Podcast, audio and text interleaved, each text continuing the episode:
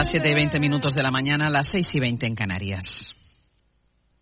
Cadena Ser Catalunya. Allà on vagis, Ser Catalunya t'acompanya. Escolta Ser Catalunya en directe des de qualsevol lloc Som a la barra de bar amb la Núria Casa. amb l'aplicació de la cadena Ser. Som a tot arreu. Som al teu costat. Descarrega't l'app de la Ser, cadena Ser, i busca Ser Catalunya. Ser Catalunya. Arroba Ser Catalunya. Al perfil de Ser Catalunya trobaràs tot el que passa davant i darrere els micròfons. Posa cara a la ràdio i no et perdis res.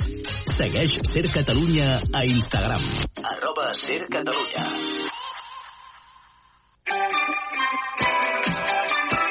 Ser Catalunya. La força de la conversa.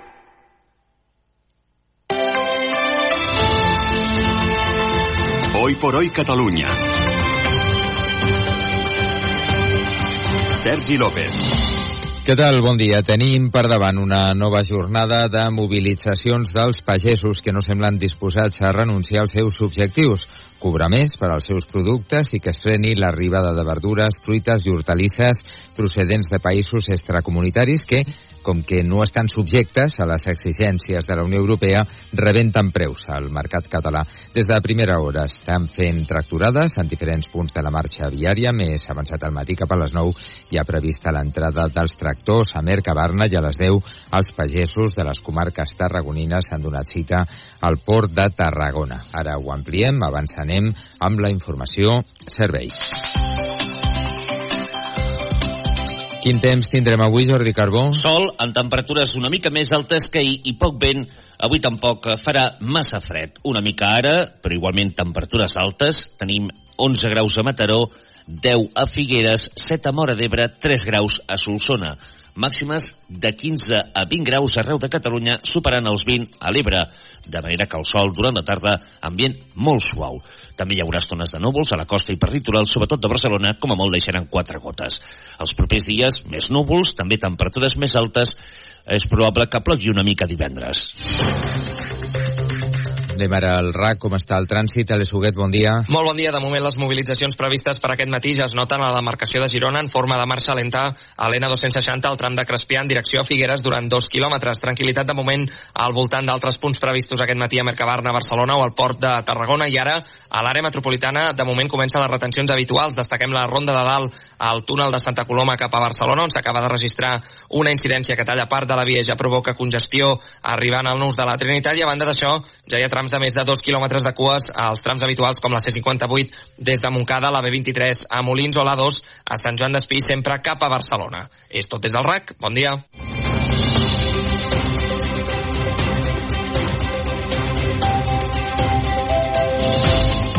Els pagesos no afluixen en la seva demanda de millors preus i que les administracions posin fre a la competència deslleial d'altres països que inunden el mercat amb productes més barats. Avui tornen a tallar diverses carreteres del país i afegeixen infraestructures bàsiques com el port de Tarragona i també Mercabarna entre els objectius de les seves protestes. Seguint la concentració de tractors que hi ha a Girona, la Berta Artigas.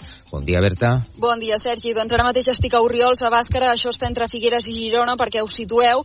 Aquí hi ha una vintena de tractors que s'han concentrat en aquest punt. Un altre grup d'agricultors i de ramaders s'han concentrat a Santa Llogaia d'Àlguema, a uns 15 quilòmetres més al nord. I la idea és uns avançar per la Nacional 2, els altres per l'AP7, en direcció nord, uns i en direcció sud els altres, fins a arribar a un punt on conflueixen les dues carreteres. L'AP7 passa per sobre, a través d'un pont, doncs allà tenen previst parar i tallar les dues carreteres, de moment de manera indefinida, diuen. Aquestes dues carreteres són les que més endavant al nord connecten amb França, és la vi les vies més ràpides per arribar-hi i per tant es preveuen afectacions, malgrat que Trànsit ahir ja va avisar del tall.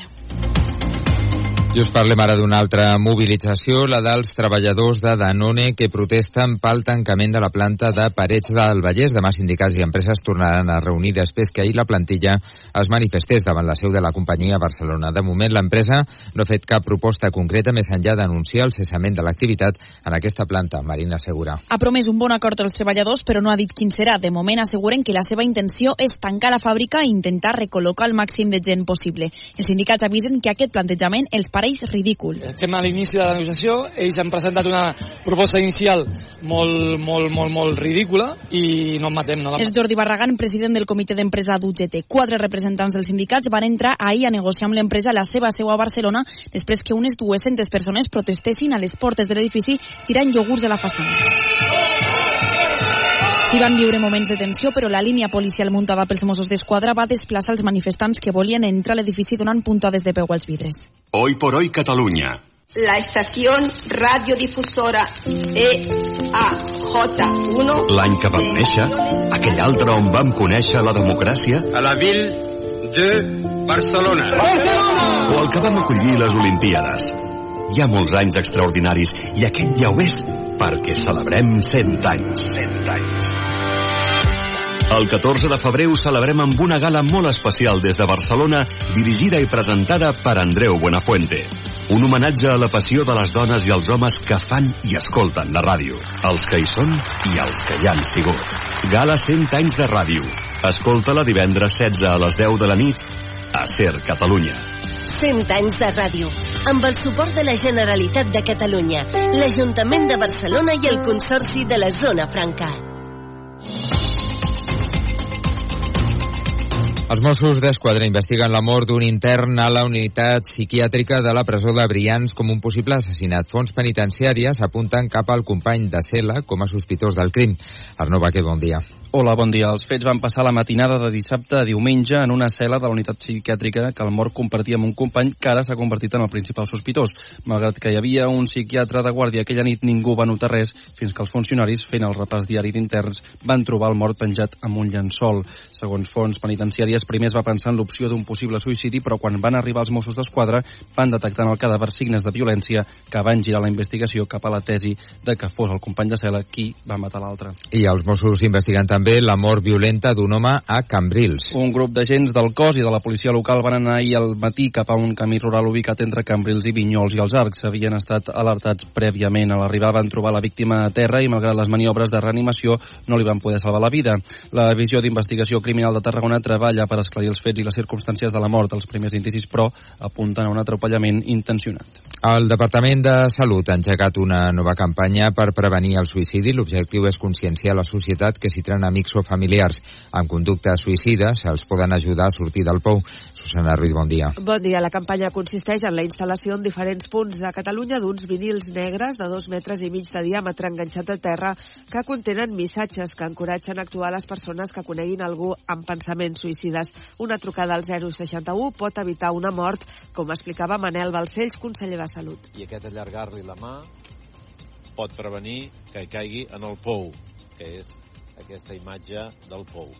Això funciona.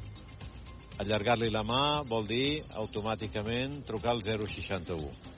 Entre juny de 2022 i desembre de l'any passat, el 061 va rebre de mitjana 40 trucades diàries relacionades amb persones amb conductes suïcides. A l'Audiència de Girona ha començat el judici contra l'acusat de matar un jove a ganivetades en una casa de Massarac, a l'Alt Empordà, a l'agost del 2022. Sí, el fiscal considera autor d'un delicte d'assassinat i li demana 24 anys de presó. La defensa, en canvi, alega que va ser una baralla entre dos joves que treballaven de temporers al camp en una situació de misèria i que l'acusat va matar la víctima sense voler, sense pretendre-ho. Per això considera que en tot cas seria autor d'homicidi imprudent.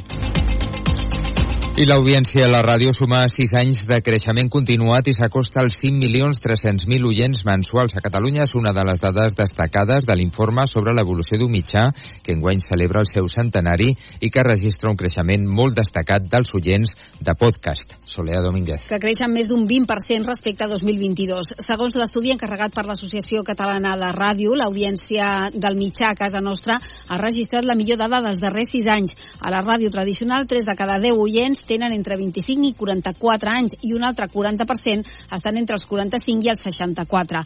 L'audiència que arriba per internet és encara més jove. Gairebé 6 de cada 10 tenen menys de 45 anys. El cotxe i la feina continuen sent els llocs on més s'escolta la ràdio i un 72% de l'audiència tria ràdio en català. Doncs parlant de la ràdio, hem arribat a dos quarts de vuit del matí, 20 minuts i més notícies de Catalunya. Ara continua l'Oi por Hoy.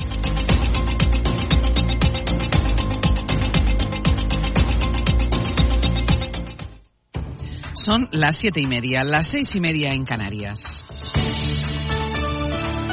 Hoy por hoy, con Ángeles Barceló.